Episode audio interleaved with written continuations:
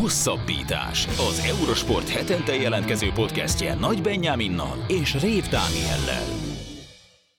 Sziasztok, ez a Hosszabbítás Podcast 107. adása.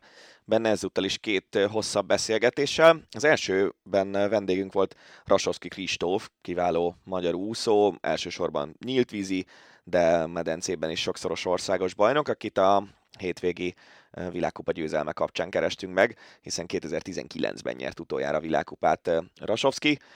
A műsor második részében pedig egy másik magyar sportolónak a menedzserével beszélgettünk, hiszen Juhász Dorka az NBA-ben, a WNBA-ben egész pontosan lejátszotta az első mérkőzését.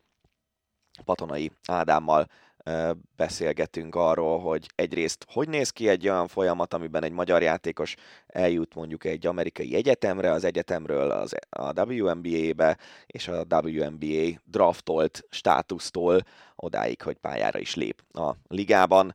Aztán jön az Ácsi benne egy csomó érdekes hírrel, hiszen Marozsán Fábiántól elnézést kellett kérnünk a múlt heti fiaskó után, amikor azt mondtuk, hogy Alcaraztól ő ki fog kapni, miközben nem kapott ki Alcaraztól. Beszélünk egy kicsit arról, hogy hogy néz ki a férfi kézi BL négyes döntőjének a mezőnye, hogy hogy néz ki a foci BL és a foci EL döntő párosítása. Az NBA-ben is kezd kialakulni a nagy döntő párosítása, valószínűleg Denver-Miami döntő lesz. A Giro is szóba kerül természetesen, illetve az, hogy megdöntötték hosszú Katinka 50 gyorsos országos csúcsát. Így néz ki a Hosszabbítás Podcast, jó szórakozást kívánunk hozzá! Olimpia Rasovszki Kristóf olimpiai ezüstérmes nyíltvízi úszóval beszélgettünk. Szia Rasó, köszönjük, hogy elfogadtad a meghívásunkat. Sziasztok, üdvözlök mindenkit, köszönöm szépen a meghívást.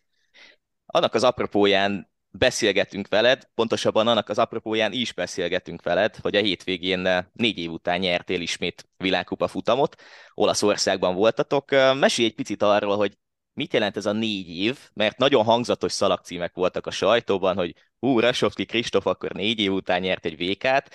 Ez eh, mit jelent most neked a jelenlegi állapotodban, illetve ez tényleg ilyen hangzatos-e, mint ahogy sokan leírták ezt? Um, itt igazából soknak hangzik ez a négy év nyilván, de, de nagyon gyorsan elrepült, és hát uh, igazából nem is különösebben foglalkoztatott ez a tény, hogy ennyi ideig nem nyertem uh, úgymond világkupa futamot, nem is számoltam, tehát hogy így, így belegondolva most itt tényleg az ki, hogy 2019 uh, augusztus elején talán a, az egyik kanadai állomást nyertem meg utoljára, ugye a világbajnokság után, de, de azóta is azért voltak uh, eredmények. Ugye egyrészt ez a négy év úgy telte, hogy volt benne egy 2020, ami, ami egy világkupa fordulót tartalmazott, még az év elején aztán jött a Covid, és mindennek uh, vége arra az évre. Uh, 2021-ben is uh, ugyan volt világkupa, de összesen négy állomással, ahol, ahol egy második, két, nem, hogy volt? Várjál, bocsánat, nem akarok hülyeséget mondani két második hely, egy harmadik hely, meg egy negyedik hely volt a, az eredményem, tehát igazából háromszor ott voltam a dobogón, meg egyszer ö, negyedik lettem, ö, és ugye így sikerült megnyerni az összetettet, tehát ott voltam végig a, a tűz közeben, meg hát ugye 2021 az olimpia éve, ott egy ezüstéren, úgyhogy nehéz ezen azt mondani, hogy az az év nem sikerült jól azért, mert egy, egy világkupa futamot sem nyertem meg abból a négyből, és hát ugye a, következő év meg már ugye a tavalyi 2022, ahol, ahol szintén az összetetben sikerült nyerni, még a holt versenyen is, és, és szintén csak négy forduló volt, két negyedik hely, egy második, illetve egy harmadik hely, tehát ott is a, a négyből kétszer dobogón álltam, kétszer pedig negyedik lettem, ami, ami így kimondva azért nem, nem rossz eredmények, úgyhogy összességében én, én nem éreztem ezt annyira egy ilyen sanyarú négy évnek, hogy, hogy, hogy így fogalmaztak, hogy csak most végre most sikerült újra világkupa futamot nyerni. Tavaly, tavaly sikerült egy Európa kupa futamot megnyerni az évelén Ejlátban, ami, ami, ami azért majdnem egy világkupa fordulóval fölért, hiszen, hiszen az ausztrálok ott voltak, még hogyha Európa kupa volt akkor is, hiszen ugye nem sok verseny van az évben, ami, ahol lehetne például egy nagy világversenyre válogatni, nagyon sokszor például az ausztrálok kihasználják az Európa kupa futamokat is, hiszen elindulni elindulhatnak, egyszerűen nincsenek úgy ö, értékelve a végén gyakorlatilag. Ö, viszont egy nagy mezőny össze tud gyűlni, úgyhogy, úgyhogy ö, azért nem voltak ö, rossz versenyeim összességében. Úgyhogy tényleg így, így jó kimondani, hogy négy év után újra nyertem, és ott vagyok, de, de igazából eddig sem voltam annyira hátrébb, csak valahogy az a győzelem maradt el mindig, ugye a sok második, harmadik, meg negyedik hely volt a, a, az elmúlt nem is teljes négy év, kicsit több, mint három és fél, úgyhogy, úgyhogy ettől függetlenül persze örülök neki, mert ez egy, ez egy nagyon nagy verseny volt, 86-an vagy 7-en ugrottunk be végül a vízbe, gyakorlatilag két nevet, esetleg hármat lehet kiemelni, aki, aki a nyíltvízi úszásban számít, és nem volt ott. Ugye az egyik a Florian, ugye, aki az olimpiai bajnok, ő egy kisebb megfázással küzdött, úgyhogy ezért nem vállalta a versenyt. A másik a Logan Fontan, aki ugye Egyiptomban harmadik lett pont előttem, ő, ő már csak a VB-n versenyzik legközelebb, meg, meg még egy francia, hogy az Axel Raymondot lehet még kiemelni, aki nem volt ott, de, de ő inkább 25 kilométeren a, a nagy név, ettől függetlenül persze 10 kilométeren is sokszor ott tud lenni az első tízben.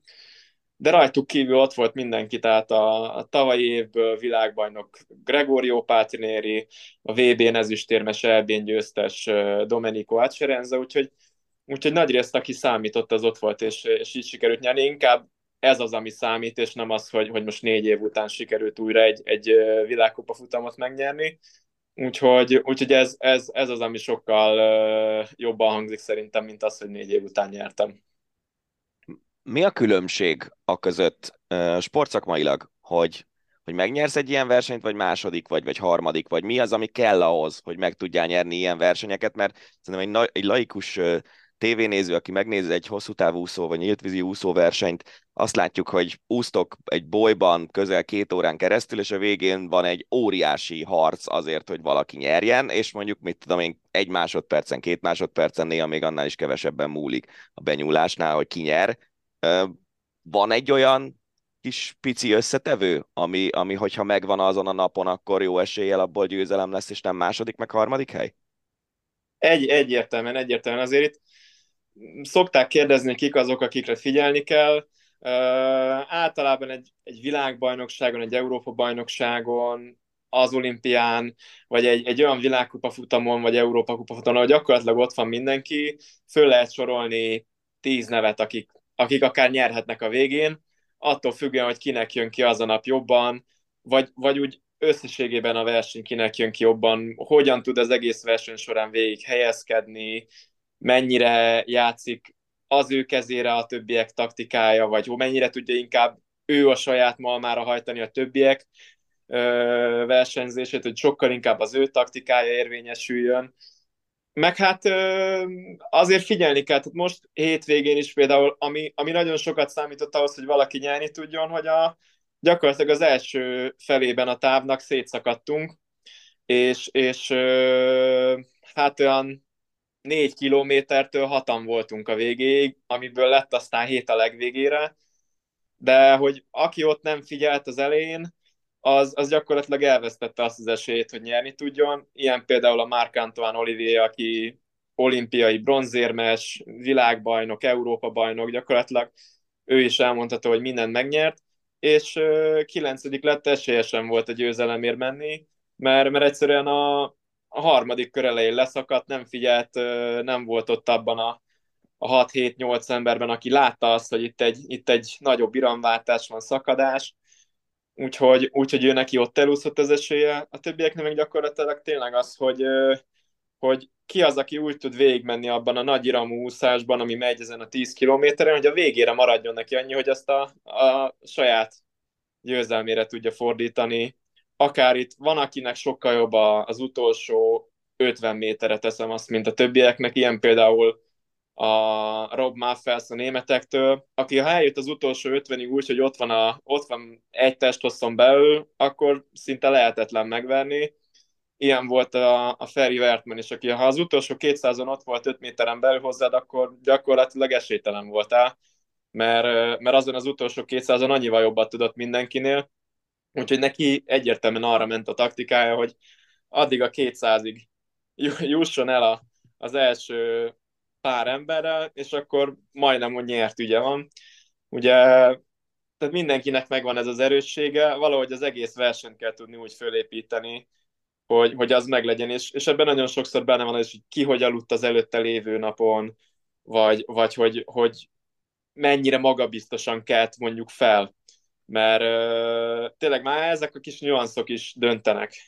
Mesélj egy picit arról, hogy te hogyan állsz most a felkészülésben. Ugye másfél hónap, bő másfél hónap is jön a világbajnokság, illetve többször is mondtad meg, aki egy picit benne van a sportákban, tudja, hogy egy nagy családot alkottok lényegében a nyíltvízi úszásban. Hogyan állnak a többiek, vagy mit éreztél ebből, éreztél-e valamit egyáltalán a hétvégi versenyen, hogy van, aki a felkészülés X állapotában van, van, aki már lehet, hogy Y-ban? Hát alapvetően szerintem mindenki eléggé nagyjából ugyanabban a, a, a stádiumban áll. Ugye ez a, az április környéke mindenkinek inkább egy kicsit a medencés úszásról szólt, ez a március vége, április eleje közepe. Ugye lement ott az olasz bajnokság, a mi, mi bajnokságunk is lement, a németeknél is volt gyakorlatilag válogató verseny a világbajnokságra medencébe, egytől egyig elmondható, hogy szinte mindenki ott, ott, ott egy elég jó formát mutatott, jól is úszott a németeknél, ugye a Florián egyéni csúcsot úszott 1005-ön, a most Szardinián harmadik Klemet, ő is 400-tól 1500-ig óriási egyéni csúcsokat úszott, úgyhogy, úgyhogy elmondható, hogy mindenki azért jó formában volt. Talán az olaszok vannak egy picit kevésbé dominánsak, mint, mint a tavalyi évben. Ugye tavaly a Greg a, a négy világkupa futamból hárman indult, azt a hármat megnyerte, megnyerte a világbajnokságon a 10 kilométert, úgyhogy ő, ő tavaly nagyon erős volt és nagyon dominált. Most, most kicsit talán ilyen szempontból egy, egy fokkal visszafogottabbak itt a, az évet tekintve. Ugye most a hétvégén hatodik lett, az év elején Eilátban szintén hatodik vagy hetedik lett, Úgyhogy, úgyhogy ő rajta egy kicsit érződik talán, hogy most nincs annyira jó formában még, de, de látszik azért, hogy edzenek. Ő, ő például most elmondta a hétvégén, kérdeztük, hogy, hogy Szatubába jön-e, hiszen az eredeti terve elvileg úgy volt az olaszoknál is, hogy jön mindenki Szatubába a következő fordulóra és úszik. Ő mondta, hogy most úgy érzi, hogy egy, egy, egy szabad hétvége kéne neki inkább, ahol egy kicsit többet tud pihenni, mert fáradtnak érzi magát, úgyhogy Úgyhogy talán, talán az olaszok ilyen szempontból egy kicsit visszafogottabbak most. Mindenki más meg azért elég erős, és, és tényleg jó formában. És hát edz mindenki, úgyhogy nagyjából egy szinten van mindenki. Itt ez az utolsó másfél hónap azért sokat fog még eldönteni, hogy ez hogyan, hogyan sikerül. Mert azért szoros versenyek voltak, ugye Egyiptomban is nagyjából 5-6 másodpercen belül bejött az első hat, most a, a hétvégén is a Greg volt a hatodik, ő talán egy 8 másodpercet kapott, tehát hogy azért ilyen szempontból szoros volt végig, a, végig mindkét világkupa, sőt előtte ugye hétvégén volt Piombinóban az olaszoknál Európa kupa, ahol vagy gyakorlatilag 8 olasz esetben 10 másodpercen belül, Úgyhogy, úgyhogy tényleg nagyon szoros a, az egész felállás, és ez az utolsó másfél hónap, ez, ez nagyon sok mindent el fog dönteni, hogy ez kinek hogy sikerül, mennyire tud fölkészülni fejben is a világbajnokságra, és mennyire lesz pihent a világbajnokságra, mert azért itt ez a május, ez most nagyon húzós volt így versenyek szempontjából. Ugye van három világkupa, becsúszott mellé még egy Európa kupa, Úgyhogy uh, itt azért válogatás ment uh, bősze, hogy ki mit hagy ki, mert valahol azért pihenni is kell esetleg egy-egy hétvégén. Miért működik ennyire jól az átjárás a, a medence és a nyílt víz között? Nyilván azon kívül, hogy úszni kell mind a két vízben. Mert hogy Pátrini is egy jó példa erre, ha már őt hoztad, hogy, hogy egy világbajnokságon tud aranyérmet szerezni medencében és nyílt vizen is, te is sokszoros országos bajnok vagy medencében is, miközben azért inkább a nyílt vízre koncentrálsz, és, és nekem tényleg azért az egy nagyon, nagyon más dolognak tűnik, hogy, hogy mondjuk 1500-on úsztok körülbelül negyed órát, a nyílt vizen úsztok körülbelül egy és három negyed órát, majdnem kettőt, azért az, az majdnem a nyolcszoros a táv, vagy úszás időben, és össze-vissza rugdossátok egymást, meg óriási csaták mennek a bolyban. Szóval nekem ez nagyon, nagyon két különböző dolognak tűnik, és mégis van egy csomó olyan úszó, aki mind a kettőben sikeres tud lenni. Igen, azért úgy alapvetően elmondható az, hogy, hogy azért különbözik.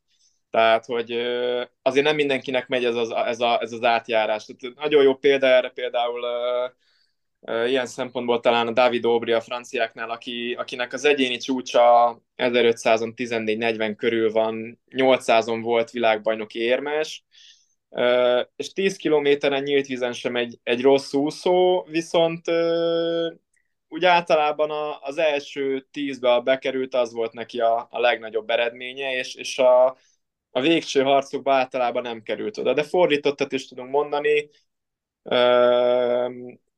Például az Axel Raymond egy nagyon jó példa rá, 1500-on tud 15-30-et, egy perccel lassabb, mint a Patrinéri, és ö, világkupa győztes, Európa kupa győztes, EB-n 5 kilométeren érmes, 25 kilométeren négyszer vagy ötször lett világbajnok, tehát hogy, hogy azért oda-vissza is van egy olyan rész, hogy van, akinek hiába megy nagyon jól a nyílt víz medencébe, nem tud odaérni, meg van, aki medencében nagyon jó, és valamennyire át tudja vinni a nyílt vízre, de, de nem feltétlen tudja kihasználni azt, hogy, hogy mennyire jó úszó is medencében.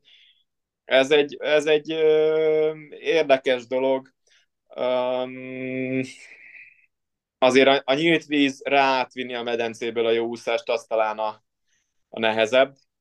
A nehezebb oda azért kell egy, egy, egy érzék ahhoz, hogy a, a bolyban hogyan tud úszni az ember, kell tudni valamennyire azért tájékozódni, hiszen nincsen ott a kötél, nincsen a falnál forduló, hanem egyszerűen van, hogy egy 800 méteres egyenesen kell oda találni, ahova, ahova menni kell, mindenfajta segítség nélkül adott esetben, maximum a többiekre lehet hagyatkozni.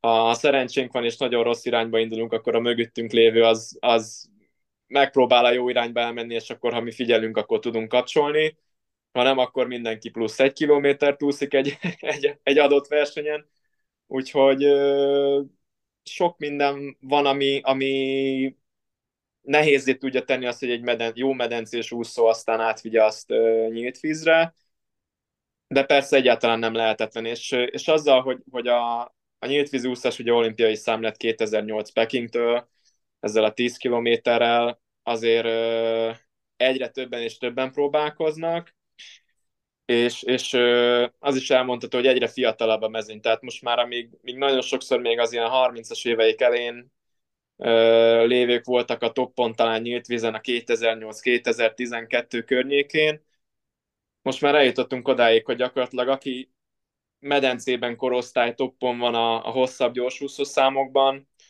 az van ott az elejében, az a korosztály a nyílt vizen is, és, és nagyon sokszor egy-két kivétellel meg is egyezik az a, az, az élmezőny. Hogy állsz te most a medencével? Láthattuk azért a Kaposvári Országos Bajnokságon, hogy egyéni csúcsok, olimpiai szint, azért nagyon rendben volt a mozgásod is. Ha Párizs nézzük, talán egy picit még tekintsünk előrébb a Fukuokai VB-nél, akkor inkább még mindig a nyílt víz egyértelműen, vagy azért már a medencés számok is olyan szinten foglalkoztatnak, hogy akkor mondjuk megcélzol egy döntőt, stb. stb. Hogy állsz most ezzel az átmenettel, vagy ezzel a kettősséggel? Hát a pár is nézzük, akkor egyértelműen azért még a, a nyílt víz az, ami a nagyobb hangsúlyt kapja, de, de egyértelműen foglalkoztat a, a medencés úszás is újra 400, 800, 1500, akár még egy 200-as váltó is, tehát vannak gondolatok a fejemben. Most a VB-n indulok valószínűleg mind a, mind a három egyéni számba, ahol sikerült szintet úszni 400, 800, 1500-on is, és, és aztán meglátjuk, hogy hogy sikerül. Ez az első olyan nagy verseny lesz igazából tulajdonképpen, ahol, ahol a nyílt vízi programon is végigmegyek, illetve a medencés programon is szeretnék jól teljesíteni, meglátjuk, hogy hogy sikerül összehozni a kettőt, hogy, hogy egy adott versenyen jól sikerüljön, hiszen, hiszen ilyen pár hónapos különbségekkel azért jól szokott sikerülni az, hogy medencében is, megnyílt vizen is. de itt azért gyakorlatilag lesz egy hét, ami a nyílt vízről szól, és aztán a következő hét pedig a medencéről, és valahogy meg kell találnunk nekünk is azt, hogy ahogy, ahogy akár a Greg vagy a Florián is ugye össze tudja ezt hozni, most már azért több világversenyen is, hogy a kettő együtt jól működik, hogy, hogy ez nekünk is jól működjön. Úgyhogy, úgyhogy ez egy érdekes kihívás most, próbálkozunk. Egyrésztről engem is jobban foglalkoztat a medence, úgyhogy, úgyhogy emiatt is mentünk egy kicsit már ebbe az irányba, meg hát ugye a Dávid, Dávid, aki ugye a csapattársam, ellenfelem, jó barát, minden, ami, ami lehet, ő is amellett, hogy azért a, a nyílt víz, a, a medencés nagyon komolyan foglalkoztatja, úgyhogy, úgyhogy föladtuk a leckét itt Lacibának, hogy, hogy, hogy valahogy úgy próbálja meg összerakni a programot a VB-ig, hogy, hogy, a, hogy a nyílt víz is jól sikerüljön, és hát aztán a medencében is minél többet ki tudjunk hozni. Nem biztos, hogy, hogy, a, hogy a döntő feltétlenül sikerülni fog. Mm, azért 400-on is például egy jó, én úgy számolom, hogy egy jó két másodpercet le kéne dobni a délelőtt az egyéni csúcsomból ahhoz, hogy, hogy, hogy, hogy a döntőre esélyes legyek aztán persze meglátjuk, hogy kinek hogy sikerül. 800-1500-on pedig, pedig úgy szintén azért szerintem a, az egyéni csúcsunknál jobb kellene ahhoz, hogy, hogy döntőbe tudjunk jutni, úgyhogy nem lesz egyszerű, de, de azért az is elmondható, hogy ott egy olyan mezőnybe kell majd versenyezni, két olyan futamban, ha a kiemelt futamokat nézzük, ahol, ahol azért uh, simán benne van az, hogy, a, hogy az a mezőny, hogy nyolcan tudnak a futamban annyit, amennyit mi, vagy még jobbat inkább, az, az esetleg kihozza, kihozza azt, hogy, hogy ez még jobb legyen, meg hát remélhetőleg a világbajnokságon alapvetően jobb formában leszünk, mint, a, mint az országos bajnokságon, és akkor, hogyha nem lesz túl sok az, hogy azért egy majdnem, majdnem négy hetet összességében kin leszünk az akklimatizációval, meg hát a több mint két hét versennyel, úgyhogy, úgyhogy azért azt fejben is bírni kell, hogy kint vagy végig koncentráltan, amíg nincs a verseny, addig az edzést, utána pedig folyamatosan a, a versenynapok és a pihenőnapoknak a, a folyamatos váltakozását kell valahogy úgy összerakni, hogy, hogy végig az elejétől gyakorlatilag két héten keresztül, két-három naponta jól tudjunk úszni nem maradt túl sok időnk, úgyhogy egy gyors választ kérek szépen majd. Következő versenyeid mik lesznek? Na most következik Setubál, ugye a harmadik világkupait májussal, aztán június közepén van egy országos bajnokság nyílt vízen Szegeden, és utána pedig már a világbajnokság, úgyhogy két nyílt vízi verseny, aztán pedig jön a VB. Hát akkor sok sikert ezekhez, meg sok sikert természetesen elsősorban a VB-hez remélem, hogy a végén még fogunk tudni beszélni anélkül, hogy teljesen kifújtál volna ettől a számomra teljesen őrültnek tűnő versenyprogramtól. Köszönöm szépen, hát nem lesz könnyű, mert utána még van egy világkupa augusztus elején Párizsban, úgyhogy azt még, azt még rá kell toldanunk erre a VB programra valahogy. Hát sok sikert még egyszer. Köszönöm szépen. Kosárlabda. Műsorunk második felében kosárlabdáról lesz szó. Rasotki Kiristóf után ezúttal Juhász Dorkával foglalkozunk, és itt van velünk Patonai Ádám, Dorkának a menedzserem. Szia Ádám, köszönjük, hogy elfogadtad a meghívásunkat. Sziasztok, és üdvözlöm a kedves hallgatókat! Hát nem akármilyen pillanat kapcsán beszélgetünk, hiszen Dorka nem hogy ott van az Egyesült Államokban, hanem be is mutatkozott a legmagasabb szinten a WNBA-ben, a Minnesota Lynx csapatában, ez egy olyan hír volt itt az utóbbi hetekben szerintem, ami így felrázta a magyar kosárlabda életet, meg kosárlabda sajtót.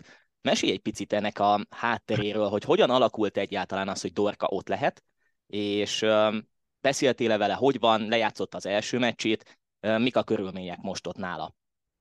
Jól érzi magát nagyon Minnesota-ban. De azt szeretném megkérdezni, hogy a, az ott lehet kérdésnél magáról a draftról kérdeztetek, vagy hogy ott van a Lynx csapatában? Szerintem menjünk időrendi sorrendben, tehát kezdjük azzal, hogy te mióta dolgozol Dorkával, az egyetemi karrierje után hogy jut el egy játékos a WNBA draftjához, és aztán hogy marad benne egy keretben, mert szerintem ezek mind olyan lépések, amiket abszolút nem tudunk tökéletesen, legalábbis biztosan nem.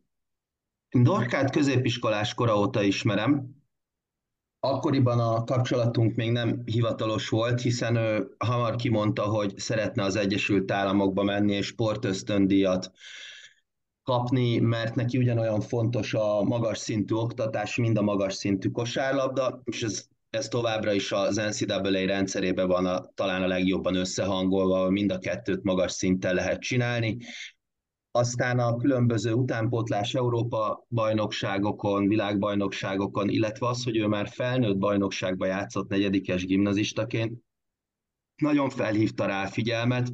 Jól emlékszem, akkor több ösztöndíj megkeresése is volt több egyetemtől.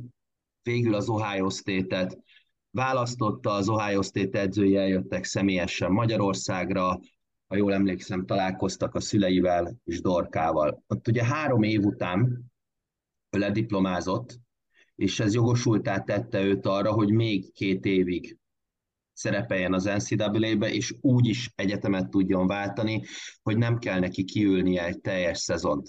Ami azt jelenti, hogy ha, ha nem szabályosan váltasz az NCAA-be csapatot, azt megteheted, de egy évig nem játszhatsz a hivatalos meccseken. Szerencsére ez nála nem állt fenn, szóval egyből tudott játszani, és hát nem kisebb egyetem, mint a Connecticut kereste meg, ami ugye egy női NBA gyártó egyetem, talán így is lehet őket nevezni.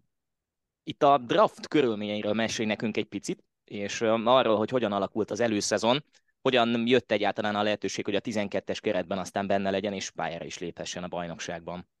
Na most a szerintem sikeresnek mondható egyetemi karrier után, ahol azért ő szeretett volna bajnok is lenni, ami sajnos nem sikerült, alakul ki először is egy olyan 15-ös keret, ha már a keret szót használtad, akit meghívnak magára erre a draft rendezvényre, erre a draft estére, ami, ami tényleg egy szuper esemény, és szerintem egy maradandó örök élmény mindenkinek, aki, aki ott lehet, különösen a játékosoknak. Ez úgy zajlik, hogy felhívják a csapatokat, tehát a csapatok, a 12 WNB csapat, meg a liga beszélnek, és igazából le kell adni egy listát a csapatoknak, kik azok a játékosok, akik ott vannak az ő elképzeléseikben, hogy, hogy kiválasztásra fognak uh, kerülni.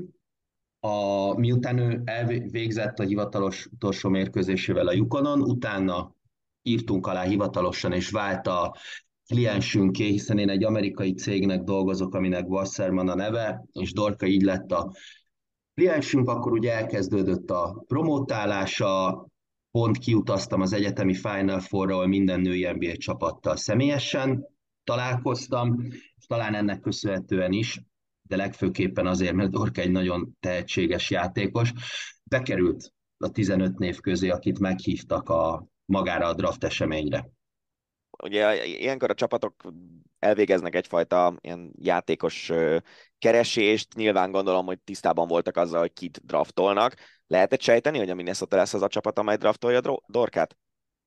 Lehetett sejteni, mert a Minnesota volt az a csapat, aki már másnap jelentkezett, miután ő lejátszott az utolsó hivatalos meccsét, már másnap egyből jelentkezett a Minnesota, hogy szeretnének a Dorkával egy interjút úgyhogy ez eléggé előre, eléggé előre mutatójá volt, de ott volt a pakliba több csapat is, tehát a Seattle, a Los Angeles, akik, akik nagyon érdeklődtek, az Atlanta, és hát ugye furcsa ez a draft rendszer, mert például a Connecticut meg a Chicago is nagyon szívesen elvitte volna magához, csak nekik egész egyszerűen nem volt olyan magas draft választásuk, hogy ezt megtehessék. Tehát ők tudták azt, hogy hogy nem fog odáig úgymond leesni, hogy nekik esélyük legyen rá, de például még rajtuk kívül még más csapat is, de mondom a Chicago meg a Connecticut nagyon szerette volna őt is a soraiban tudni. Aztán ott volt egy kis izgulás, mert ezt képzeljétek el úgy zajlik, hogy amikor jön a választás, mondjuk valaki választ elsőnek, 5 percet van és a végén ott ülsz az asztaloknál, és két kamerás bácsi oda megy két játékosra, és így, és így rárakja a kamerát. Te meg ott ülsz, hogy na akkor vagy te, vagy a másik, mert te ugye nem tudod, neked fogalmat sincs, és hát, és hát akkor egyszer csak nem, hanem a másik. És az egyik szegény játékos, azon, az, azon háromszor volt rajta kameranyitásnak, és, mond, és akkor így dorkával egyással nézünk, hogy hú, ez, ez, azért, ez azért így idegesítő lehet. Na most elmondom nektek, hogy a nyolcadik választástól fogva rajta volt az egyik kamera. 8, 9, 10, 11, 12. És ez hogy érintette őt? Hát ott adott pillanatban biztos nem a legvidámabb volt, ugyanakkor megmondtam, hogy ez nyugodtan eltönteti önbizalommal, hiszen, hiszen ez azt jelenti, hogy már ott vagyunk. Szóval amikor 12-nek jött a Minnesota, akkor nagyon bíztunk benne, hogy na akkor most, és akkor megvan az első kör. De aztán végül is, végül is a 16. választás lett. Ebben az a legfontosabb, amivel mi, amivel mi kezdtük a dorkának, hogy ebben a ligában nem az számít, hogy hányadiknak draftolnak le, hanem hogy ki hogy olyan helyre kerülj, ahol be tudsz kerülni a csapatba, ahol, ahol, ahova illeszkedsz, ahova a játékrendszer passzol neked, és ez fontosabb, mint mondjuk esetleg egy magasabb draft választás, és olyan helyre kerülni, ahol, ahol nem annyira számítanak rád. Most ez a minnesota csapat, szerintem ők nagyon számoltak a dorkával, és hála az égnek úgy alakult, hogy hogy odaért, oda került, és hivatalos edzőtábor előtt már egy héttel ott volt és készült a, a négy-öt ott lévő idősebb játékossal. Mondtad, hogy promotálni kellett, vagy promotálni kell a játékosokat. Mesélj egy picit arról, hogy ennek hogy néz ki a háttere, és hogy ez mennyi, vagy mekkora szerepet jelent abban, hogy aztán egy négyszeres bajnokhoz kerüljön egy játékos. Ez más és más a női NBA-be, vagy az európai csapatoknál. Tehát az európai csapatok azért követik az NCAA-t, meg azért nagyjából tudják, hogy ki kicsoda, de mondjuk a top 50 európai csapatnak mondjuk az egyharmada.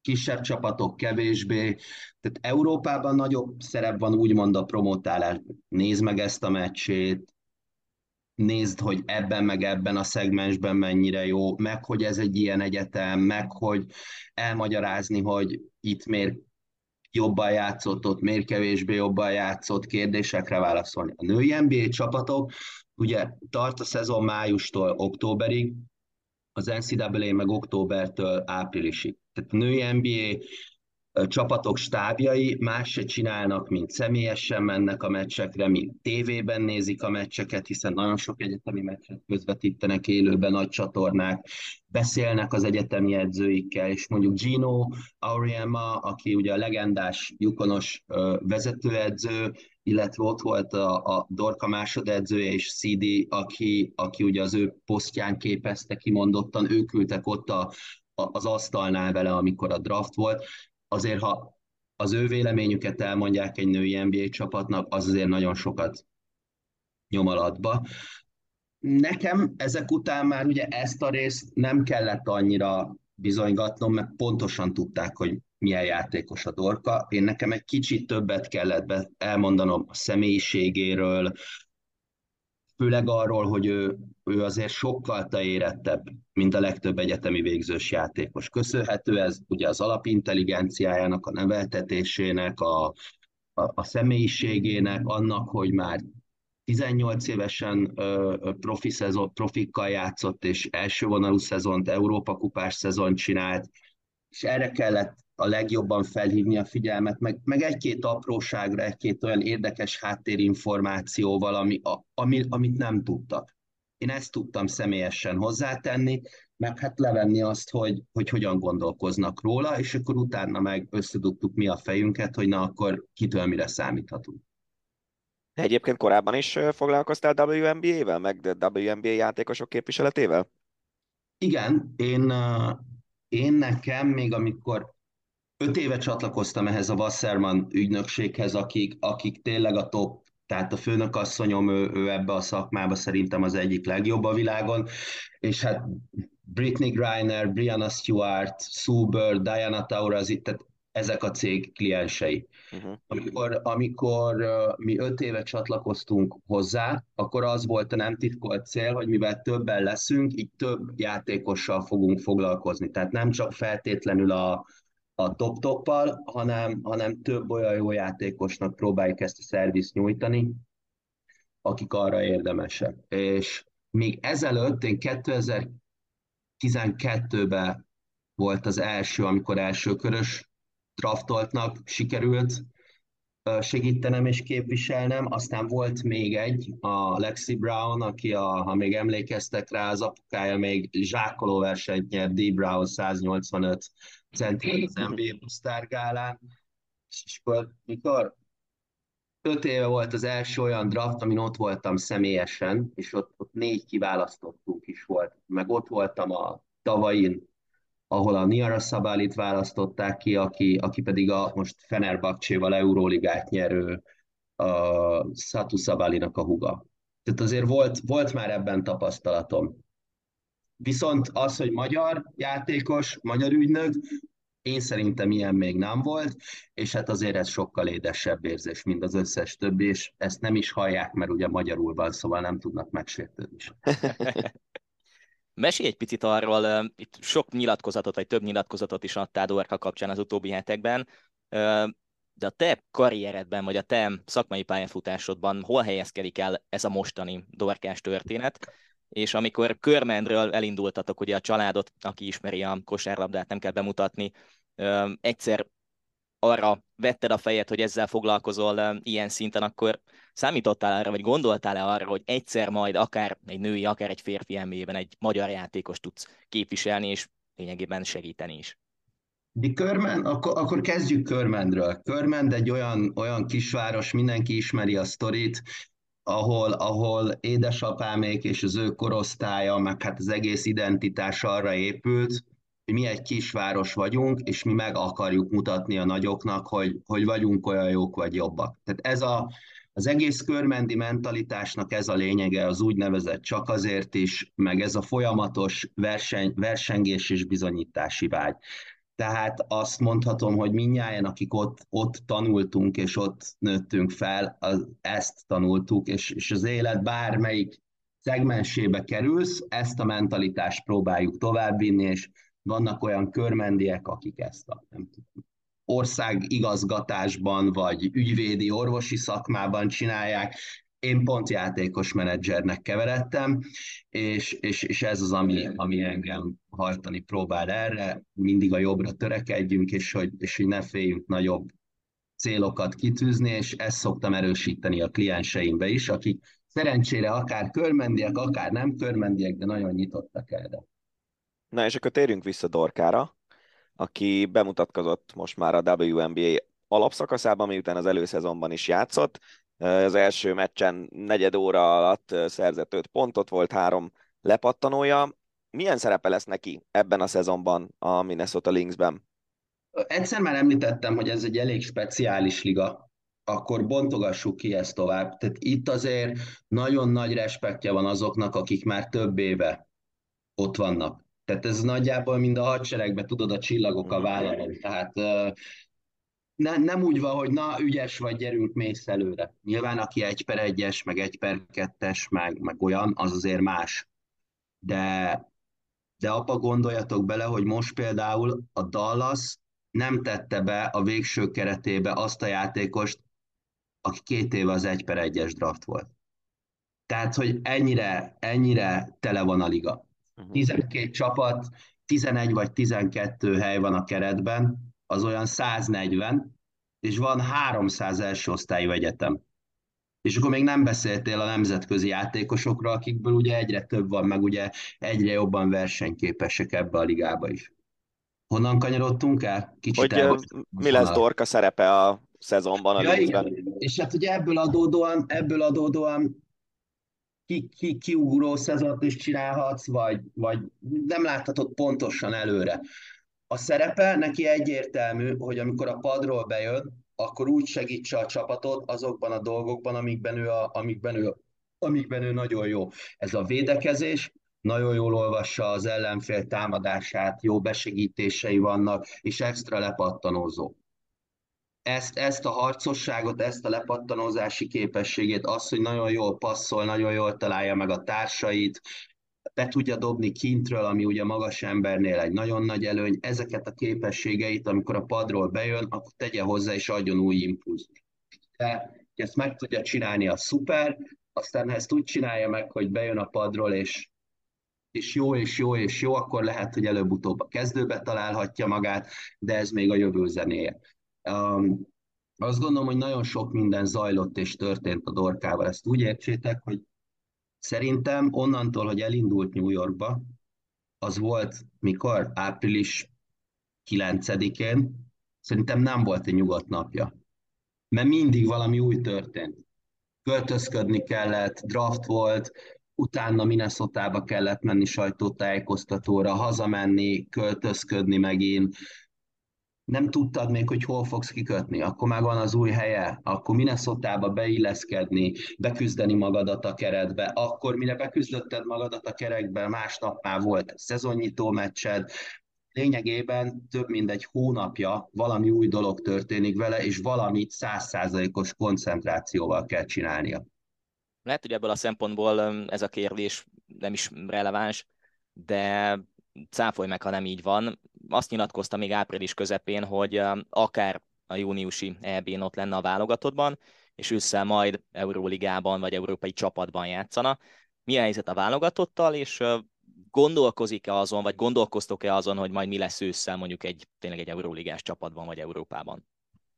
A válogatottal kapcsolatban, ugye a válogatott az mindig egy nagyon érzékeny és nagyon fontos téma, hiszen ki, ki, le, ki ne lenne az, akinek ott, ott van a vágyai között, hogy a címer a szívemen, és képviselem a hazámat, és azt gondolom, hogy jó válogatottunk van, tehát, hogy jó játékosokból áll a válogatottunk, ezek a lányok uh, utánpótlás világversenyeken értek el kiemelkedő eredményt, szerintem eljött az idő, hogy felnőtt szinten is ez megtörténjen.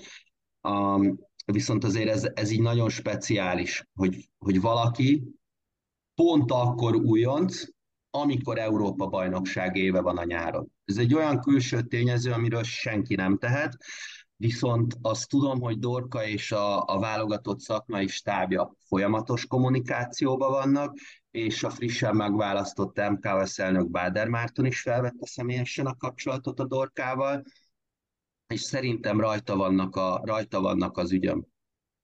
És általánosságban ez hogy szokott kinézni? Tehát, hogyha nem tudom, a, egy, egy WNBA ö, csapatnak a, most mondok valamit, a tizedik számú játékosa el akar menni egy Európa-bajnokságra, akkor szokták engedni, vagy az ugyanolyan fontos, mint hogyha harmadik játékos lenne, és nem engedik el? Akkor harmadszor említem, hogy ez egy nagyon speciális liga, jó? Nem, nem szeretem a szó ismétlést, de mindig ide jutunk vissza. Azzal, hogy bekerült bárki a 12-es keretbe, leszámítva azokat, akiknek full garantált szerződésük van, bárki bármikor kikerülhet. Tehát ez azt jelenti, hogy akárki, akárki a, azt mondja mondjuk, hogy bocs, én elmennék három hétre, mert felkészülés van meg, két hét Európa-bajnokság, ez ki tudja, mit eredményezne. Uh-huh. Egy, egy európai szezonba, mondjuk, amikor megy a szezon, és novemberben jönnek a válogatott selejtezők, akkor ott tiszta a sor, hiszen a FIBA szabály kimondja, hogy válogatott szünet van, válogatott szünetbe, lányok mennek a válogatottba. Itt viszont ugye ez versenyidőszakban van. Nagyon jó lenne, nyilván ő is örülne, meglátjuk, tehát erre nagyon nehéz, nagyon nehéz mit mondani. És az őszi európai szereplés? Körvonalazódik. Uh-huh. Talán, talán ez az, amit mondani tudok, hogy körvonalazódik. Szerencsére, szerencsére több olyan megkeresés van már, ami, ami közül én azt gondolom, hogy jó és jó közül kell majd választania. És akkor Dorka szeretne mindenképpen a, az európai szezonban is magas szinten játszani, és nem az van, hogy kipiheni ezt az őrületet, ami most a WNBA szezon, meg az előtte lévő néhány hét hónap. Dorka még fiatal, meg természetesen, meg természetesen szeretne, hiszen az egy nagyon-nagyon magas szakmai szint, ha mondjuk Euróligába tudsz játszani, vagy, vagy valami erősebb bajnokságba, Európa kupa elején tudsz játszani, azért az nagyon komoly, és ezt bizony nézik a női NBA csapatok is. Azt nézik a női NBA csapatok is, meg hát egy nagyon, nagyon fontos szakmai kihívás, azért Dorka egy magyar lány, egy európai lány, szerintem ugyanúgy szeretne ő Euróligát nyerni, vagy bármelyik országban bajnokságot, mint ahogy a női NBA-be is, vagy az NCAA-ben is. Akkor sok sikert kívánunk Dorkának, és köszönjük szépen Ádám, hogy a rendelkezésünkre álltál. Köszönöm szépen nektek! Ácsi. A hét legérdekesebb hírei. Az Ácsival folytatjuk egyben, zárjuk az eheti hosszabbítás podcastet. Ezúttal is összeszedtük a hét legérdekesebb vagy legkülönlegesebb történéseit a sportvilágból. Egy bocsánatkéréssel kell kezdenünk. Nekem leginkább, nem? Én is helyeseltem azért, tegyük hozzá. A, a bocsánatkérésünk tárgya az, hogy múlt héten azt mondtuk hétfőn, amikor fölvettük az ácsit, hogy Marozsán Fábián római menetelése az Alcarazig fog tartani, és nem Alcarazig tartott, hanem Borna Csoricsig és az a meccs is olyan volt, amiben benne volt simán az, hogy Marozsán nyerni fog, úgyhogy elnézést Fábiántól, meg mindenkitől, aki hülyének gondolt minket ezért a mondatért. Mondjuk utólag, amikor kikerült az adás, két nappal később már könnyű volt minket hülyének hát gondolni, de lényeg a lényeg, hogy nagyon-nagyon szuper ö, teljesítmény nyújtott Marozsán Fábián ezen a római tornán. Az, hogy, hogy Carlos Alcaraz le tudta győzni két szedben, simán igazából, és nem azért, mert Alcaraz nagyon rosszul játszott, hanem mert Fábián játszott nagyon jól, ez valami elképesztően nagy bravúr. És hát tegyük hozzá, hogy nem volt um, ez egyszeri teljesítmény, Csorics ellen is jól játszott, és uh, amikor felveszük az adást, akkor már elkezdte a Roland Garros selejtezőt, és ott is egy nagyon sima győzelemmel kezdett. Mm, ráadásul a Garros szervezői őt tették címlapra a selejtező promotálásánál, reklámozásánál, azért ez sem mindennapi. Nyilván Alcaraz miatt lehet ez különleges, vagy lehet az ő szerepe különleges, de talán 2000-ről 20 ezerre nőtte az Insta követői száma, valami ilyesmi volt. Persze, ez természetes dolog, és nyilván a Garos szervezők is bíznak abban, hogy a francia, magyar vagy marozsán szempontból semleges teniszrajongók még emlékeznek arra, hogy mi történt a múlt héten. Mert ez az egész azért nyilván erről szól. Um, nagyon jó lenne, hogyha feljutna ő is a főtáblára, mert egyébként az látszik, hogy a tenisz az valami egészen elképesztően jó. Egy dolog jutott még eszembe, amikor néztem az Alcaraz elleni meccset, hogy amit a Davis kupában szoktak mutatni a magyar srácok általában, Valkusz Máté, akár mondjuk még a párosban sokan, ott Nagy Petiék, Piros Zsombi, azt tudta valahogy átmenteni Fábi erre a, a meccsre, vagy erre a tornára, úgyhogy bízunk abban tényleg, hogy főtáblás lesz a Geroszon, viszont nem lesz ott Rafael Nadal. Sokszor volt szó róla, még Vagával is beszéltettek erről, hogy valószínű, hogy kihagyhatja, de biztosan kihagyja, és hát ez a szezon lényegében kuka, mondjuk ilyen szépen, aztán, hogy a következő év az utolsó lesz a pályafutásában, azt még nem tudni, de valószínűleg igen. Igen, azt hiszem, hogy a sajtótájékoztatón valami olyasmit mondott Nadal, hogy, hogy valószínűleg az utolsó éve lesz 2024, én meg azt mondtam, hogy lehet, hogy igazából 2022 volt az utolsó rendes éve. Igen. Mert nem, nem gondolom, hogy olyan szintre vissza tud még jutni. Ha igen, az, az egy óriási dolog. És most bánhatjuk igazán, hogy nem a Gárosz döntő után vonult vissza. Hát igen, de... Jó, de most utólag okos az ember. Igen. igen. igen. Úgyhogy Nadal nélkül, de kezdődik majd a Gárosz, foglalkozunk a következő adásokban nyilván ezzel is, és hála az égnek azért voltak szép magyar sikerek is a hétvégén és az elmúlt héten. Például Hanga Ádám csapata, a Real Madrid megnyerte a férfi kosárlabdázók Euróligáját. Nem akármilyen döntő volt a végjátékban. Sergio Llull két pontosával verték az olimpiákoszt. Hangának megvan az első Euróliga győzelme pályafutásában neki személy szerint nagyon gratulálok, egyben tőlem ne várja senki, hogy egy Real Madrid Euróliga győzelmet, ezt én egy ilyen nagy élményként éljek meg. Uh, azért Ádi pályafutásában szerintem minimum ez volt benne, ha már NBA nem lett a vége, nem? Hát figyelj, szerintem azért ahhoz, hogy egy csapatsportákban te ha csak nem valami nagyon kiemelkedő játékos, hogy most mi Doncsicsot beteszed bármelyik európai csapatba, az automatikusan lesz annyira jó. Most ezen a, ja, ezen a szinten nyilván nem a, nem tudom, szolnokba, vagy, tehát, hogy, de hogy a, a, az európai élvezőnybe, hogyha Doncsicsot beteszed egy csapatba, akkor automatikusan az lesz annyira erős, hogy, Igen. hogy Euróliga címet nyerhet. Hanga, de nyilván azért nem ez a szint, viszont csak arra akarom kijutatni a gondolatot, hogy, hogy so, nagyon sok mindenem múlik, és egy ilyen szoros meccsen, ráadásul ugye az Euróligában ott nem az van, mint az NBA-ben, hogy játszanak hét meccset, és akkor aki négyet nyer, az megy tovább, hanem itt a döntőt, hogyha megnyered egy ponttal, akkor Euróliga bajnok, vagy ha nem, akkor nem, és szerintem a kettő között azért olyan nagyon nagy különbség nincsen. Hát igen, és ha megnézed, a Real úgy jutott be a Final Four-ba, hogy a Partizán ellen 0-2-re áll talán, és onnan fordított. Úgyhogy uh, nagyot mentek. Aztán a Barszát simán verték viszonylag az elődöntőben, és az olimpiákhoz jött a döntőben. De nagyon érdekes ez a lebonyolítási rendszer nekem amúgy, hogy, hogy ö, három nyertig tartó negyed döntő párharcok, és aztán ö, egy sima egy Final Four. hétvége egy Final Four-ral. Nem, nem tudom, hogy ennek, ennek mi értelme van így. Én a kézibl kapcsán szoktam gondolkozni erről, és amúgy is kézilabdával megyünk tovább. Um, ott is kialakult a Final Four mezőnye. A Kielce legyőzte a visszavágón a Veszprémet, úgyhogy nem lesz Fú, de milyen simán. nagyon-nagyon simán. Bántóan simán. Nagyon-nagyon És az a simán. vicces, hogy aki ránéz az eredményre, hogy mínusz négy, az azt mondta, hogy jó, hát ez vállalható volt, de ez eszméletlenül egy oldalú meccs volt. Egy mínusz 10 is benne lett volna. Bőven. Benne lehetett volna. Bőven. Úgyhogy a Kielce a Final Four-ban az a Kielce, amelyikről azt hittük két hónapja, hogy megszűnik, vagy majdnem megszűnik. Mégis ott lesznek a legjobb négy között a Magdeburggal, a PSG-vel és a Barcelonával együtt. Úgyhogy így áll össze a Final Four mezőnye. Jó kérdés egyébként, hogy ebből a négyesből kinyer, de nem tudom te hogy vagy vele, szerintem a négy legerősebb csapat jutott be. Szerintem nem. Na, melyikkel vitatkozol? Hát a Magdeburggal mindenképpen.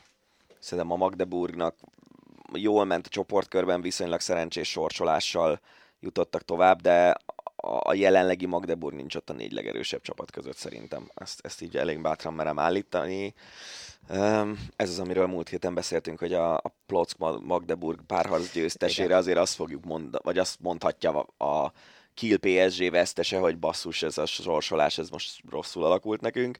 A Barca Kielce az egyértelmű, és igazából nagyon érdekes ez a, ez a PSG, hogy tulajdonképpen összeraktak egy, egy ilyen második Várdárt, csak egy kicsivel jobb játékosokkal. Tehát szerintem Igen. Stars Kubénál Steins egy fokkal jobb, a, a többiek nyilván erősebbek a PSG-ben, ugyanaz az edző, Kristopánsz ugye, aki összeköti őket, Igen. és, és szerintem nagyon hasonló a játék. Tehát én emlékszem, a, a, amikor néztem azt a Várdárt, ugye a Veszprém ellen nyerték a, a BL döntőt, és nem hittem el, Kristopánsz 60 percet töltött a pályán a, körülbelül a BL döntőben, lehet, hogy volt egy kiállítása, vagy ilyesmi, de hogy amúgy végigjátszott, és hogy egész egyszerűen, hogyha ha föl méretben fölnagyították a belső védelmet a, az akkori Várdar ellen, akkor Skube szopatta a nagy darab embereket Nagyjából vissza ha meg, ha meg kicsit mozgékonyabb védekezés volt, akkor meg Kristopánsz lőtte át az egészet.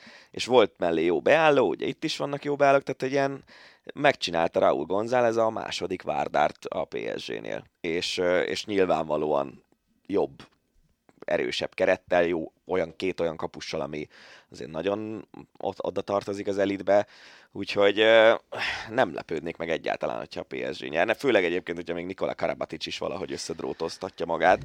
ki a jobb, vagy ki lehet a jobb-jobb átlövő a Final Four-ban? Nagyon hülye kérdés, de Kristopánsz vagy uh, Kai Smith. Vagy Dikamen, vagy Alex Duisabayev? Hát, ha, ha ö, nagyon hülye kérdés, akkor igen, vigyük tovább. igen, vigyük tovább, ja. Igen, igen. Hát, Hát, Jó, hát figyelj. Smith 14 gól dobott a Plock elleni Igen, visszavág. de egyébként az, a, az viszont tényleg a Magdeburgnak a, a, a sérülések utáni egydimenziósságát mutatja, hogy e- nagyon extrát játszott, de szerintem ezt, ezt nem lehet két napon keresztül csinálni. Jobb csapatok ellen, jóval jobb csapatok ellen, mint amilyen a Plock. Na majd a hülye megérzéseimmel fogadunk. Fogadunk majd a Final Four előtt. Szeretnénk megint veszíteni, vagy nyerni. Most már nyerni. Lője, lője 25 gólt De? mondjuk a Kai Smith. De hogy majd az, hogy a Magdeburg bejut a döntőbe, minimum ez a... Majd meglátjuk, kivel fognak játszani, de én nem, nem gondolom. De egyébként a Final Four az meg pont erről szól valamilyen szinten a kéziben, hogy ott aztán tényleg bárki bárkit meg tud verni. Hát aztán itthon meg egy Szeged-Veszprém ö, megint gyógy rangadó, vagy nem tudom, mi lesz ez a bajnoki Hát döntő. nem tudom, én most azt érzem, hogy kicsit így a magyar bajnokság ö, átlagszínvonal az, az esik. Tehát a Szeged gyengülni fog, a Veszprém valószínűleg erősödni fog valamennyit, de megint a külföldi sztárok ide csábításával, és, és egyébként meg a hátország meg azért látszik, hogy elég gyenge. Tehát az, hogy a Fradi egy nagyon nagy mázlival és némi bírói segítséggel kiharcolt döntetlennel jutott be a, az Európa Ligában a 16 közé, a többi magyar csapat nem jutott be. Lesz szabadkártyás magyar hely? Mert sok fórumon azt olvasgattam az utóbbi napokban, hogy nem biztos, hogy a bajnoki ezüstérmes nek helye lesz a VL főtáblán. Attól függ, hogy kik hogy építkeznek, meg hogy melyik ez a kilenc csapat, ami ott lesz. De például mondjuk, ha, ha Szeged helyett mondjuk a Sporting kerül oda, akkor arra nem mondanám azt, hogy ez egy érdemtelen dolog. Igen, uh, igen, igen, igen. Meglátjuk. De figyelj egyébként, hogy ez, ez, ez a, erről a rendszerről majd egyszer beszélgessünk hosszabban, hogy, hogy a 16 helyből hatot, vagy mennyit szabad kártyával oszt ki az EHF. Igen. Ez, ez, ez egészen kriminális szerintem. Hát ez a 16 csapatos BL is azért olyan, hogy hogy? Pont, pont, pont. Nekem nincs bajom ezzel, Um, sőt, én egyébként még több csapatot is el tudok képzelni. Én is azt mondom, hogy, ja, hogy kevés. Hogy kevés. Aha. Aha. Ne, figyelj, nekem, nekem az egész lebonyolítással nincs bajom, mert igazából, hogyha azt nézed, hogy, hogy ott van a két nyolcas csoport, játszanak viszonylag hosszú alapszakaszt, és minden héten van legalább két-három elég jó meccs. Ez a, ez a része szerintem tök oké, okay, de az, hogy, hogy egy ilyen olyan dolgok is szerepet játszanak, aminek semmi köze a sportszakmához. Igen. Például tökre nem minden, jó mondjuk valószínűleg a Bundesliga ezüstérmes automatikus szabadkártyás, de hogy ha egyszer valami olyan csapat Bundesliga ezüstérmes lenne, ami olyan nagyon nem érdekel senkit, Melzungen, vagy nem tudom, Igen. Akkor, akkor még akár az is lehetne, hogy azt mondják, hogy nem. Hát a Melzungen meg a Lep Kalárást kapcsán került elő, hiszen a Pixegethez igazolt szerintem olyan nagyon sokat most ne beszéljünk erről, mert... Ez egyébként nem egy rossz igazolás Én szerintem. is azt mondom, de hogy jöttek megint a hangok, hogy Rostamik itt nem tudja pótolni Kalerását. Nyilván nem feltétlen kell összehasonlítani a két játékost. Minden esetre toldozgatják azokat a foltokat a szegedi vezetők, amiket az utolsó utáni pillanatban még lehet ebből az egészből. Focival megyünk tovább, megvan a BL döntő párosítása tedd a szívedre a kezet, hogyha azt mondta volna valaki néhány hónapja, hogy Intercity döntő lesz, akkor mit szóltál volna? Hát az Interem meglepődtem volna, a City most már azért előbb-utóbb fog nyerni egy BL-t, valószínűleg Szerintem előbb. most. Szerintem is. Szerintem is most jött el az a pillanat. Mm. Majd a két játékos, aki a legtöbbet tette azért, hogy Messi ne legyen világbajnok, Lautaro Martinez és Julian Alvarez Igen. összecsapnak a BL döntőben, miközben Messi chipset zabál a tévé előtt. Ja. És állítólag 500 millió eurós ajánlattal bombázzák őt a szaudiak. Mm, abból a pénzből lehetne egy-két dolgot csinálni az életben. Ja, például leépíteni az ottani rezsimnek a törvénységeit. például igen. És uh, igen, tegyük ezt zárójelbe, mert hogy uh, eldöntő is lesz Budapesten, uh, hasonlóan nagy körítéssel, azért ne vonjunk párhuzamot talán a szaudi körítésekkel, de Megkaptuk az MTI-től mi is a sajtóközleményt az eldöntő Igen, egy, egyből eszembe jutott a mondatod után, hogy jó lesz összekötni ezt a két témát. Roma Sevilla döntő a Puskás arénában. Minden jegy elkelt.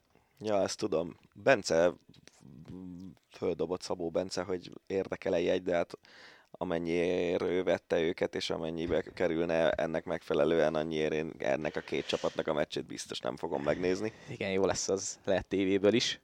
Uh, más lett volna vajon az érdeklődés? Én azon gondolkoztam, hogyha egy Juventus bejut? Vagy ez a Roma Sevilla, tehát hogy tök mindegy, hogy milyen a meccs, csak csak ha, legyen egy eldöntő? Szerintem, ha Barca Manchester United hát az, a döntő ja. lett volna az elben, akkor az többeket érdekelt volna. Igen. De mondjuk ezzel nem mondok nagy újdonságot, gondolom. Hát, de a Róma is, meg a Sevilla talán kevésbé, a Rómának azért talán van egy fokkal nagyobb rajongótábora, akár Magyarországon, de jó, mondjuk egy Sevillának viszont a, a házi rajongótábora az nagyon erős. Nem tudom, tehát egy mi, hagyjuk inkább szerintem. Én nekem, mivel már alig nézek focit, annyira kevés olyan párharc van, amire azt mondom, hogy hú, na ez, és akkor lehet, hogy egy marha jó meccs lesz. És benne van szerintem simán. Bár mondjuk Mourinho és a jó meccsek, az nem biztos, hogy... Igen, Tokis Tomi, reméljük, hogy hallgatod az adást is. Egyet értesz velünk. Ez egyik legnagyobb Róma fan egyébként az országban, Tomi, akivel beszélni fogunk majd a Magical Magyarsban is az NB1-ről, de azért ne menjünk el amellett, hogy bemaradt a mezőkövest. És Gratulálunk. kieshet, gratulálunk, így van, pont, pont, pont, és kieshet a Vidi vagy a Honvéd, minden bizony a Honvéd. kieshet, az egyik kiesik. Hát igen, valamelyik kiesik. Igen. Hát valószínű, hogy a Honvéd fog Az kiesni. mókás lesz, amikor az MB2-ben gyalázkodja egymást a Honvéd meg a Vasas táborra ottani bajnokikon. Hát ha egyáltalán gyalázkodhatnak, mert mind a két csapatnál van olyan rossz szó, hogy nagy pénzügyi Én ezt már múltkor is vannak. mondtam neked, hogy a Vasas meg a Honvéd az nem fog megszűnni. Azok, nyilván. azok a mezőkövesd az megszűnhet valamikor, a Vasas meg a Honvéd nem fog megszűnni. A, Mm. annak van hagyománya, annak van szurkolótábora ennek a két csapatnak. Lehet, hogy MB2-ben fognak játszani, de hogy nem szűnnek meg, abba biztos vagyok. Legalább lesz két újabb nagy stadion az MB2-ben. Fontos. Így van. Tudod, miről érdemes beszélni? U17-es EB van a műsorban? Nincs, de azért Milyen gondoltam, mert pályákon rendezik az Aha. U17-es EB-t, és hogy hány olyan stadion lehet Magyarországon, amely UEFA utánpótlás meccsek megrendezésére alkalmas, hogyha a Budaörsi, nem tudom meg milyen... a Balmazújvárosi stadion. Azt hiszem, hogy Balmazújváros az ott volt MB1 egy Ott volt évet, nem? MB1. Na, de volt, hogy Budaörsön ott nem volt soha. Ott nem. Ott MB2 volt előző szezonban. Egy MB3-as csapatnak olyan stadionja van, amiben UEFA U17-es EB-t meg lehet rendezni, akkor tényleg hány olyan stadion van Magyarországon? 50 vagy 60 vagy mennyi? Szerintem 50 van. És Most ez nagyon kemény. Igen, nézzük végig az MB2-es csapatokat, de sok MB3-as csapatnak is.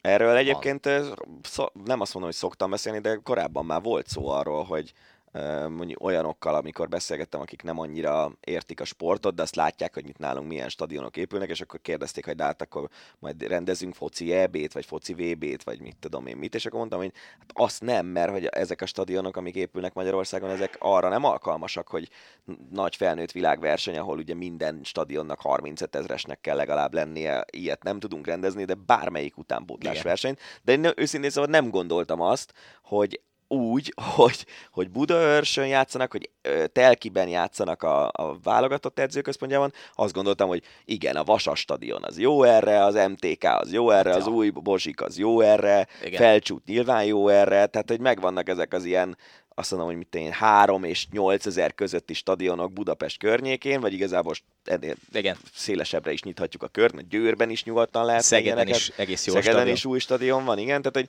na- nagyon sok olyan stadion van, ami, ami ilyen tornára alkalmas, de hogy a, az, hogy Budaörs meg Telki, azt nem gondoltam volna. A, pont amikor felvesszük az adást, még nem tudjuk, hogy tovább jut-e a magyar U17-es válogatott. A írek ellen lesz az utolsó csoportmeccs, és utána jöhet a negyed döntő.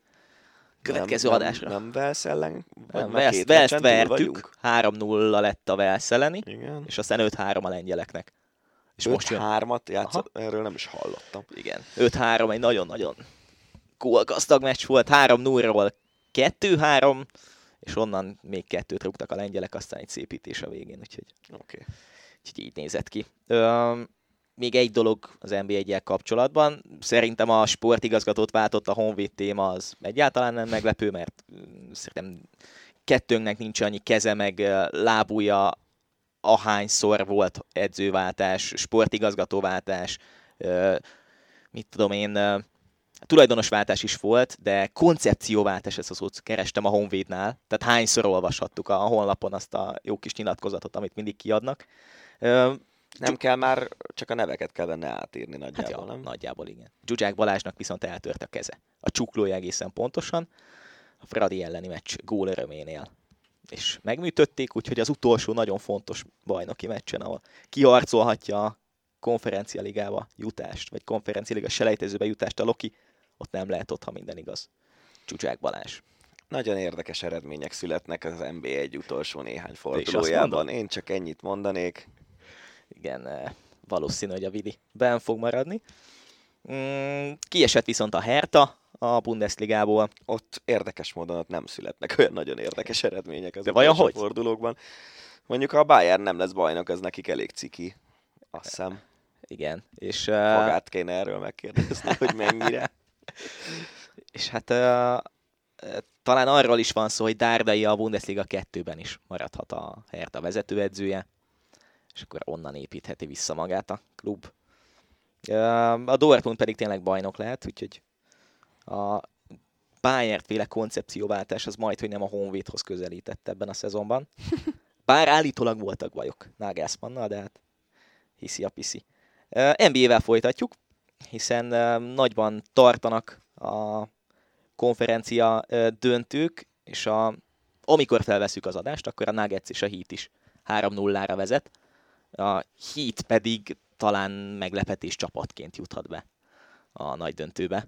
Hát abszolút, de amennyit tudok erről az egészről, abból azt tudom, hogy Jimmy Butler játszik úgy, ahogy Igen. neki mindig kéne, Igen. A, vagy talán még annál is jobban, és így azért érthető a dolog. Tudod, mit láttam Facebookon talán? Két-három napja? Vagy lehet, hogy egy valaki a mi közös csoportunkba dobta be Jokicsot? Azt a dagad gyerekkori Aha. képet? Hát igen. Az igen, az, az, az a közös De láttam még volt. valahol. Láttam még valahol, hogy és elgondolkoztam, hogy, hogy az egy 12 éves, 12-13 éves kori Jokic lehetett. Szerintem fiatalabb annál így a kép alapján, de nem, nem nyitottam meg, csak a képet láttam. És hogy onnan jutott el ilyen szintre. Nagyon komoly. Hát ja, de hát most azért mindenkiről tudunk találni olyan gyerekkori képet, ahol eléggé nem úgy néz ki, mint ami később lett belőle, úgyhogy ez a része a dolognak az nekem nem, vagy nem, tehát csak inkább vicces, hogy egy ilyen kis Igen, igen, igen, igen, igen, igen. Uh, úgyhogy a Lakersnek valószínűleg nem lesz meg a, a nagy döntő. Viszont jön az utolsó hit a Giron, ahol uh, hát milyen szót használjunk? Káosz volt, vagy nem is tudom, hogy volt-e valaha ilyen három hetes, amit én láttam, ahol ennyi eső esett. ennyi eső esett, meg ennyi versenyző dölt ki Covid, betegség, sérülés miatt, és ahol ennyi, ilyen kevés, vagy nem is az, hogy ilyen kevés, de ennyire nem nagyon történt semmi az összetetben.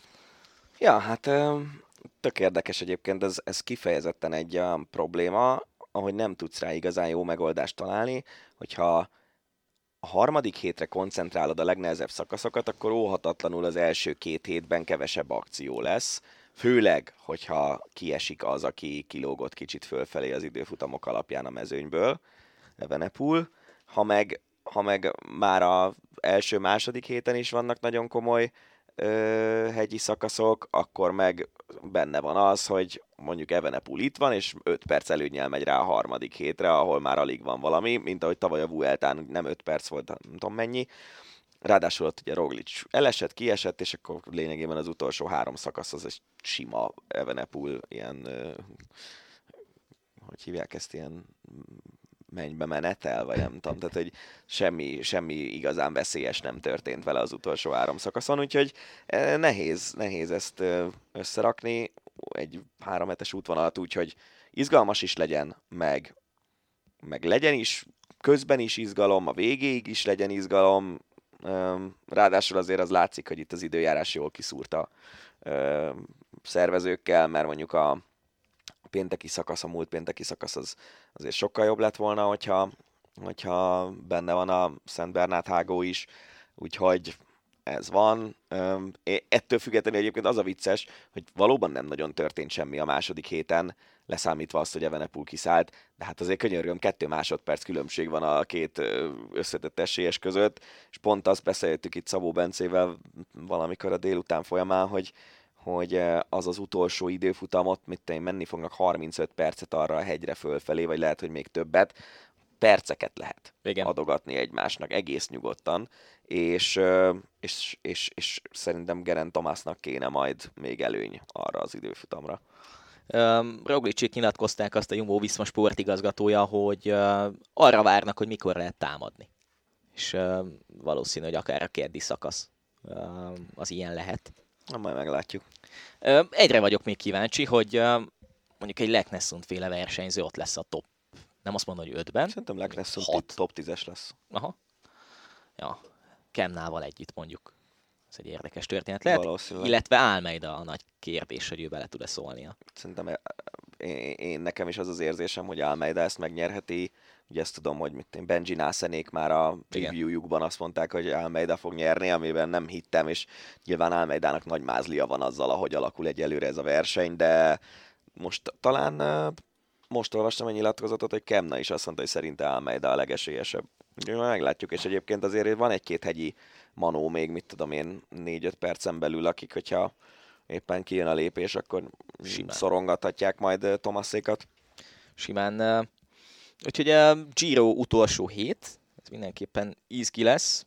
Mm, olyan témával folytatjuk, Amiről ami- én nem tudok semmit. amiről te semmit nem tudsz, Zani. A tényt tudom. Elmondom a tényt. Senánszki Petra megdöntötte hosszú Katinka egyik legrégebbi magyar csúcsát. Ez egy 2014 áprilisi 50 gyors volt. És azért hoztam ide ezt a hírt, mert egy régebbi csúcsa van Katinkának 50-es medencében, 2009-es római világbajnokság 200 pillangó, az egy brutális De az hír, szápadressz. az szápadresszes. Szóval a, a szápadresszen kívüli csúcsokat nézzük, akkor ez volt a legrégebbi csúcsa. Jó, Ráadásul, de- ráadásul egy top formában lévő Katinkánál ott az a 2014, az már kezdett a... Na jó, de hosszú Katinka mikor volt 50 gyorsan jó? Hát ja, Tehát, jogos. egy, tehát egy, be, majd ha a 400 vegyeses országos csúcsát megdöntik, akkor szóljál. az, ö, az, nem sanszos, hogy most lesz, vagy Na, manapság de ilyen, de tehát most az, hogy valaki jön egy specialista, nem tudom, Senánszki Petra se specialista Mondhatni, sprinter. igen. Igen, igen, igen. jön, val- jön valaki, aki egy 50-es specialista, és megveri, anna, vagy megdönti annak az országos csúcsát, aki 200-nál rövidebb számban igazán nagy eredmény nem nagyon ért el, akkor Igen, de egyrészt ez mutatja a magyar úszósportnak a, a hiányosságát mondjuk a rövidebb távokon. persze. 50 gyorsan Szabó Sebastian mondjuk jön fel, a férfiaknál Senánszki Petra jobb. De abban az érában, amikor hosszú Katinka kiemelkedett, szerintem Takács Krisztián volt az egyetlen olyan, aki Igen. Mondjuk két hosznál rövidebb számban valamit használható Igen. tudott nyújtani Magyarországon. Igen. És, és egyébként na, ez meg a másik, ez nekem nagy kedvencem ez a téma, hogy, hogy a magyar úszásban mindig azokban a számokban jöttek az eredmények, ahol mondjuk egy világbajnokságon nem volt 30 induló. Igen. Igen, mondjuk És- négy vegyes, Négy vegyes, kettő vegyes, 200 kettő pillangó. pillangó. Igen. Igen, és pont ezt mondtam, amikor, amikor Milák Kristófról beszéltünk valamikor, hogy nálam azért emelkedik ő ki mondjuk egy, egy ilyen év sportolója választásnál, ugye az volt, hogy Liu Shaoang, Szilágyi Áron, Milák Kristóf, hogy nálam az, hogy, hogy ő azokban a számokban is nagyon jó, amikben iszonyatos konkurencia van. Az egy dolog, hogy ő a legjobb pillangózó most a világon, de hogy száz gyorsan világbajnoki ezüstérmet tud szerezni, Igen. az nekem egy nagyon-nagyon komoly. A, a, a, a, szerintem a száz gyorson világbajnoknak lenni, vagy világbajnoki ezüstöt szerezni, ahhoz valószínűleg jobb úszónak kell lenni, mint mondjuk 200 pillangón Igen. uralkodni. Igen. Um, az is érdekes lesz, hogy Senánszki meddig tud javulni.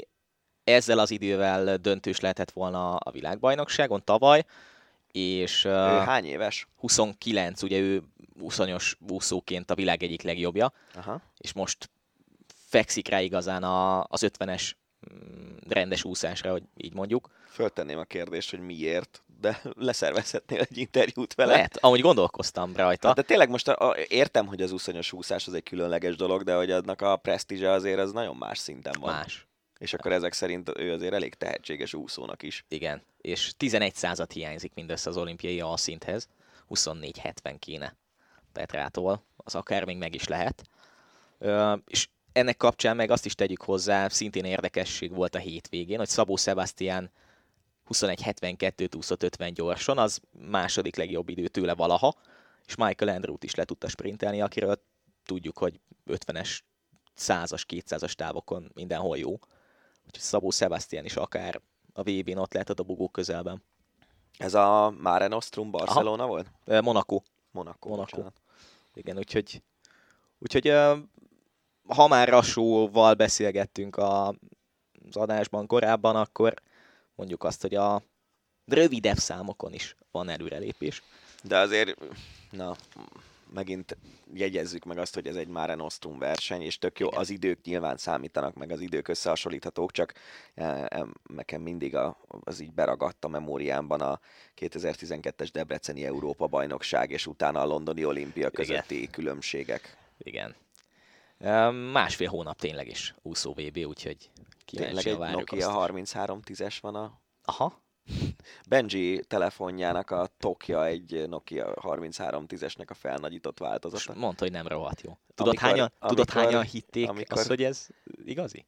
Tehát, hogy ez a... Mondjuk azok nem láttak igazi Nokia 33 Se az, fele igen. ekkora volt, Igen. de amikor te épp oviba mentél, akkor én nagyon szerettem volna egy Nokia 3310-es, de egy Ericsson telefonom volt, ami nem volt kígyó. És kaptál azóta, vagy vettél azóta Nokia 33 Nem, 10-es? nekem soha az életben nem volt Nokia telefonom, pedig akkoriban mindenki Nokiával járt. Én, én telefonban ilyen izé vagyok, külön utas mindig. Nekem először egy Ericssonom volt, aztán egy Samsungom volt, aztán megint egy Ericssonom, és aztán nem is tudom, hogy jutottam el a, az okos telefonokig, de de 2009-ben volt egy iPhone-om, és aztán azt ellopták, és azóta meg általában viszonylag kisebb cégeknek a, Aha. az androidos telefonjait szoktam megvenni. Most egy Asus telefonom van. Ö, az új Nokia 3310-es az néhány éve jött ki, nem? Aha. Volt egy felújított. Igen, de hát az, az, az, az egy ilyen retro hullámra ráülés volt. Nehogy meglepjünk téged a szerkesztőségben egyszer egy Nokia 3310-es. Nagyon boldoggá tennétek. Ha még működik, és lehet rajta kígyózni, az Hát nagyon hogy ne lehetne kígyózni? Hát miért ne lehetne kígyózni? Kígyóztak a magyar női 4x100-as váltó tagjai is, nagyon gyorsan ráadásul, hiszen megdöntötték a 2018-as, 19-es magyar csúcsot, pontosan nem emlékszem. Ez most uh, síkfutásról van Így szó. van, 4x100-as női síkfutóváltó. Hát mondjuk az, hogy egy VB-re készülnek, és egy váltó az az, ahol ha sokat dolgozol együtt, akkor azért meg tudsz verni olyan váltókat, amikben ö, jobban futó versenyzők vannak, és ők keveset dolgoznak együtt. Úgyhogy, úgyhogy ez jó, hogy a hazai VB-re készül egy összerakott váltó, ami majd valamit elérhet. És Takács Boglárka pedig ö, nagyon közel volt az egyéni csúcsához százon. Mindössze, 11, mindössze 30 8, 8, valami. 8 századdal maradt el az egyéni csúcsától. Igen, 11.39. Ja, hát hajrá.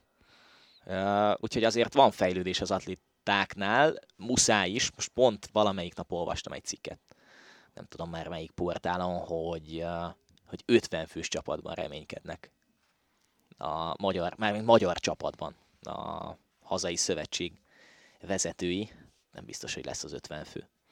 Jó, de azt hiszem, hogy azért van olyan, hogy minden számban indulhat magyar a hazai VB-n, nem? Talán van ilyen, igen, igen. Már, már pedig az atlétikában tudtommal több, mint 50 számban, nem? A férfi nőit Igen. összeadjuk. Igen. Egyébként 43-58 az új magyar csúcs, majd fél másodpercet javítottak az eddigi magyar rekordon. Ö, Szép. nagyon szép.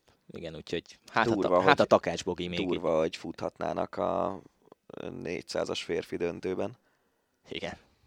Hát a Takács Bogi még tud javulni egyéniben is. A következő években mindig csak 21 éves. Ö, két Ő is német Rolival dolgozik, nem? Aha, igen, Ja. igen, igen, igen. Igen, igen, úgyhogy eh, lehet, hogy majd egyszer német Geriéket is megkérdezzük erről, hogy pontosan. Német Gerit nem, nem fogom megkérdezni, mert ő csupa olyan választ ad, hogy A- igen, nem. igen, Nem nagyon Nem. kifejtős. meghívjuk őt, a tesóját, meg Bogit is, és akkor talán Gerinek kevesebb szó jut majd. Két rövidebb hírrel zárjuk az ácsit. Egyrészt az egyik kevésbé kellemes, a másik kellemesebb, viszont az első sokkal érdekesebb is amellett, hogy nem annyira kellemes. Simona Halep dopingügyéről volt már szó többször is, viszont egy újabb dopingügybe keveredett. Ezúttal állítólag a biológiai útlevelében találtak eltéréseket, és nem azt mondja, hogy ártatlan, hanem az, hogy ez már egy koholt vád ellene. Gyanúsnak tűnik eléggé a dolog. Pedig azért az a fura nekem, hogy egy teniszben azért jó, persze jó, fontos az állóképesség, meg ilyesmi, de csak az számít, hogy ügyes legyél, meg okos. Fonyódi Tomi mondta azt, hogy uh, ugye ő tenisz edző is, hogy attól még, hogy valaki doppingol, attól nem üti jobb technikával a labdát. Igen. Tehát nem szervál jobban, jó, erőben lehet, hogy jobban bírja a meccseket, de ennyi. Igen. Hát ugye még annó, amikor Nadal jött, akkor ugye volt a spanyol sportnak egy ilyen nagy fellendülése, érdekes módon pont az Operación Puerto környékén, igen, igen, igen, és, igen. és akkor Nadalt is meggyanúsították, és jó, persze Nadal elképesztő mennyiséget fut, de attól nem pörgeted jobban a labdát, hogyha be vagy szteroidozva, nem? Igen. David Ferrer volt nagy futógép a pályán. Ja. Hú, de szerettem az ő játékát. Eljutott egy világranglista top 3-ig. Minden esetre Halep nem biztos, hogy egyhamar megúszza ezt az egészet. Ami érdekesebb, hogy egy hónapja írtam egy cikket az eurosport.hu-ra, hogy, hogy napolták, vagy mit tudom én, hetekkel elhalasztották a, a tárgyalás időpontját, és elvileg most május vég az új határidő. Tehát, hogy ezt is tologatják, és nem tudtak arról, meg nem tudnak arról, hogy pontosan miért. És majd lehet, hogy doppingról lesz szó a következő adásban is, mert hogy jöttek a szalagcímek, ez most jutott eszembe. Fel se írtam a témák közé, hogy Kenderesi Tamásnak a dopping ügyével kapcsolatban is megszületett a döntés. És nagyon-nagyon sokat sejtetően azt írták, hogy valószínűleg a sportoló fog fellebbezni. Tehát... Általában a felmentések ellen sportolók ritkán szoktak fellepezni. Úgyhogy, úgyhogy sokat mondó lehet ez az egész, az is egy érdekes történet lehet. Nem tudom, ezt olvastad-e, vagy hallottad ezt a hírt, én sem egészen a mai napig. Kis színes próbáltam keresni. A Go Eagles csapatának egyik játékosa, holland bajnokság, a pályán a félidőben kapott egy meszt, mindjárt meg is mutatom neked ezt a videót, kapott egy meszt, kapott egy széket, egy asztalt, és megkapta a szerződést, és 2025-ig hosszabbítottak vele a félidőben a pálya közepén. Azt ez, nem értem. Ez mi már? Ez mi nem, Én, én, én az egészben azt nem értem, hogy ez korábban miért nem jutott senkinek eszébe. Hát ez mennyire király már a szezon utolsó hazai meccsén az egyik játékosoddal így hosszabbítani. Szerintem ez rohadt nagy ötlet. És uh, tényleg mindenki láthatta, és csak itt mutatom is neked, nem tudom, láttad-e a videót? Nem láttam. Közvetítem, jó? Egy játékos kapucnis pulcsiban érkezik egy asztalhoz és egy székhez, amely a középkörbe van föltéve, mikrofon van a kezében. Beleszólhatok? Egy toll kikészítve, és a szerződés. És aláírja.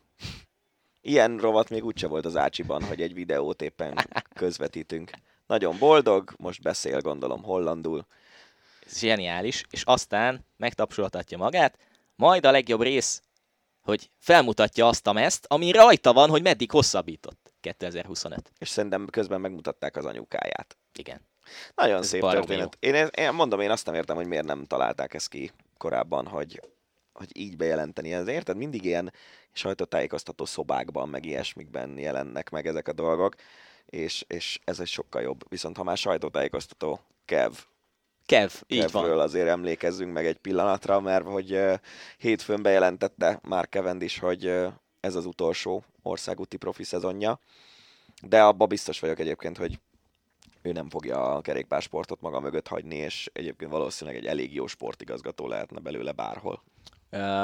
Pont amikor felvettük ezt az adást, azelőtt közvetítettünk Bodnár Gergővel, és azt mondtam az adásban, hogy én rajta nőttem fel Keven.